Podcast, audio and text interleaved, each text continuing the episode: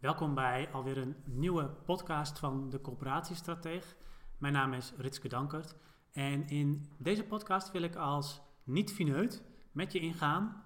En ik denk dat jij ook een niet-fineut bent, anders zou je wellicht niet naar deze podcast luisteren. Uh, met je ingaan op hoe je nou als coöperatie je vermogensinzet bepaalt en welke belangrijke financiële ratio's je ook als niet-financiële beleidsmedewerker echt wel zou moeten kunnen lezen binnen een coöperatie. In, dit, in deze podcast dus een stappenplan.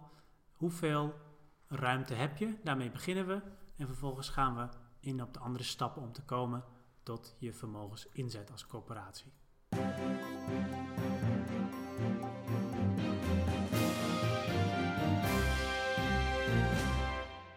Een eerste stap daarin is om goed ja, te kijken van wat zijn eigenlijk de huidige financiële ratio's over je vermogen, maar ook wat andere ratio's die relevant zijn voor de coöperatie. En dat, uh, dan zou ik je aanraden om gewoon vooral te kijken ook naar de ratio's die ook het Waarborgfonds Sociale Woningbouw en de Autoriteit Woningcoöperaties uh, hanteren in hun beoordeling van de coöperatie.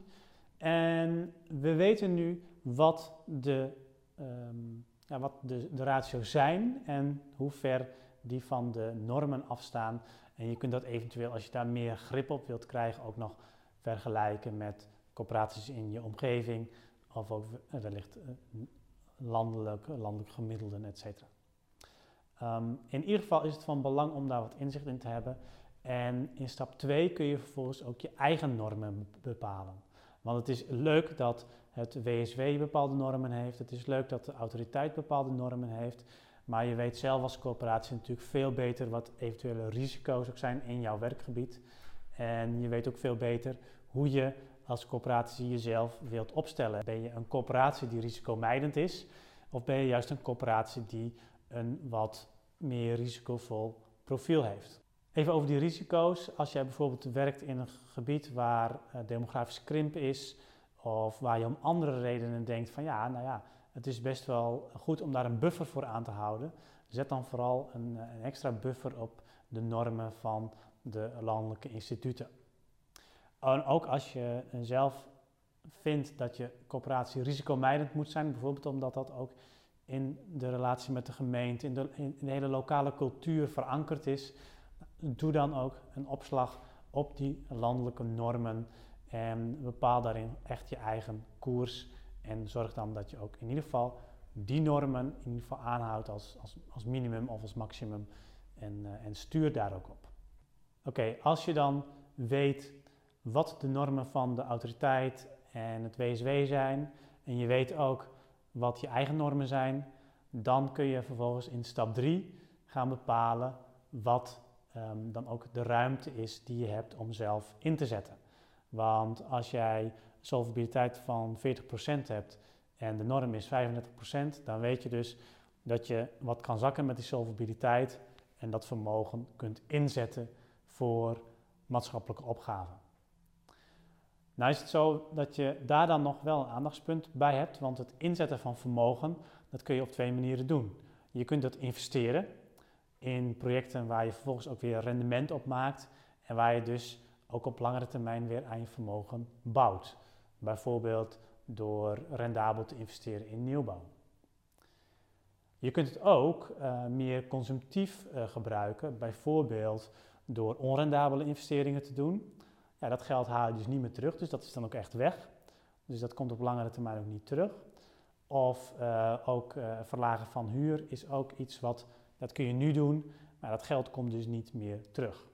En in je besteding zul je altijd een evenwicht moeten zoeken tussen de maatschappelijke opgaven die je wilt oplossen en ook de continuïteit verzekeren op langere termijn.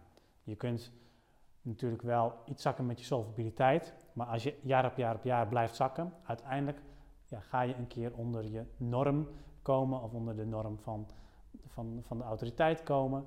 En dat betekent gewoon dat je dan een probleem hebt, dat je dan eigenlijk niks meer kunt. Dat je dan niet je huidige, um, je huidige inzet ook kunt, kunt volhouden. Dus zorg ervoor dat daar een goede balans zit tussen investeringen die je doet, die ook weer rendement opleveren, die ook weer ervoor zorgen dat je vermogen weer groeit. dus bijvoorbeeld door het in vastgoed te investeren, in, in, in huizen.